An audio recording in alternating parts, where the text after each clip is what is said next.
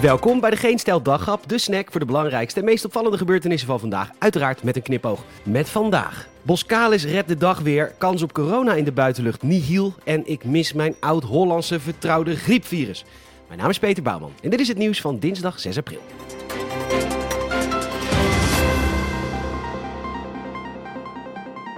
In 1910 was er een groep wijze mannen die zich specialiseerden in het redden van de allerrijkste. Ze reizen stad en land af om te hulp te schieten waar niemand anders dat kan. Vandaag staan ze nog steeds hoog aangeschreven en zijn ze eigenlijk beter dan ooit. Heb jij een probleem met een boot of met een schip? En als je ze kan betalen, huur dan Boskalis.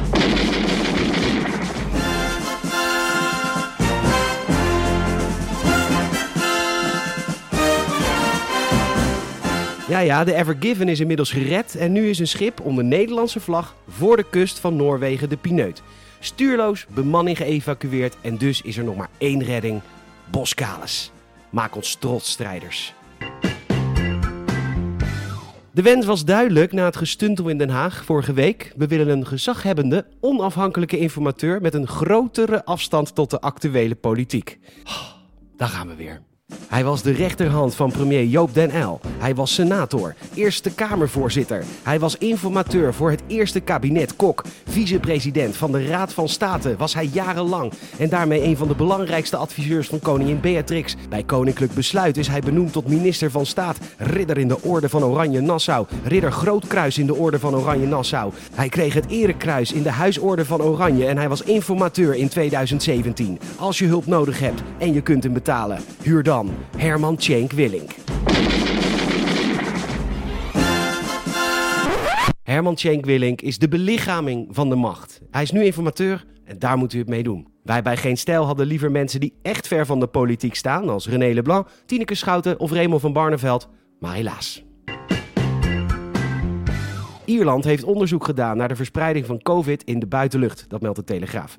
Het resultaat is helder. Volgens de Ierse gezondheidsdienst HPSC is dat 0,1% van alle besmettingen. Ze hebben daarvoor 232.000 coronagevallen onderzocht en daarvan waren 262 besmettingen te herleiden naar activiteiten in de buitenlucht. De terrassen kunnen dus weer open, maar een onderzoek van het HPSC zal wel weer niet tellen volgens het RIVM.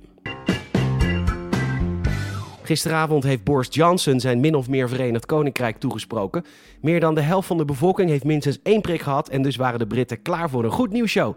Maar helaas, jazeker. De kroegen gaan straks weer open, maar met anderhalve meter maatregelen en mondkapjes, omdat de regering bang is voor nieuwe varianten.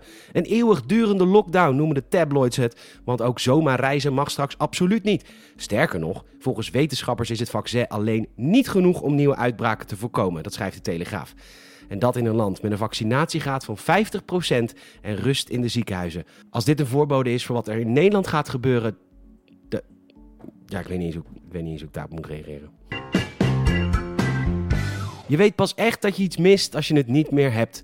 Wat is er met de griep gebeurd? Ik mis een simpele snottebel, twee dagjes koorts, zonder kans op enkeltje IC. Maurice de Hond kwam vandaag met een interessant artikel op maurice.nl over het verdwijnen van de griep, want de griep is weg. Het RIVM geeft zichzelf schouderklopjes en zegt dat dit vooral komt omdat we coronamaatregelen hebben. Maar dat lijkt een beetje vergezocht. Ten eerste zijn er landen waar de maatregelen veel soepeler zijn en ook daar is de griep weg. En ten tweede krijgen mensen nog steeds corona, dus het is niet alsof we met deze maatregelen virussen echt buiten de deur houden. Hoe komt het dan wel? Het lijkt op cancel culture bij de virussen. Als je bijvoorbeeld geïnfecteerd bent met het rhinovirus, daar ga je van snotteren, dan krijg je geen corona meer en vice versa werkt het ook zo. En dus lijkt het erop dat het influenzavirus, de griep, verdrongen is door COVID. Niet door de maatregelen dus. En dat kan nog steeds best link zijn, want het rhinovirus biedt bijvoorbeeld bescherming tegen corona. En als dat soort virussen verdwijnen, verdwijnen ook vormen van natuurlijke bescherming. Iets om in de gaten te houden, aldus Maurice. Bedankt voor het luisteren. Je zou ons enorm helpen als je een vriend of vriendin vertelt over deze podcast. En ook een Apple Podcast review zouden we enorm waarderen. Nogmaals bedankt voor het luisteren en tot morgen.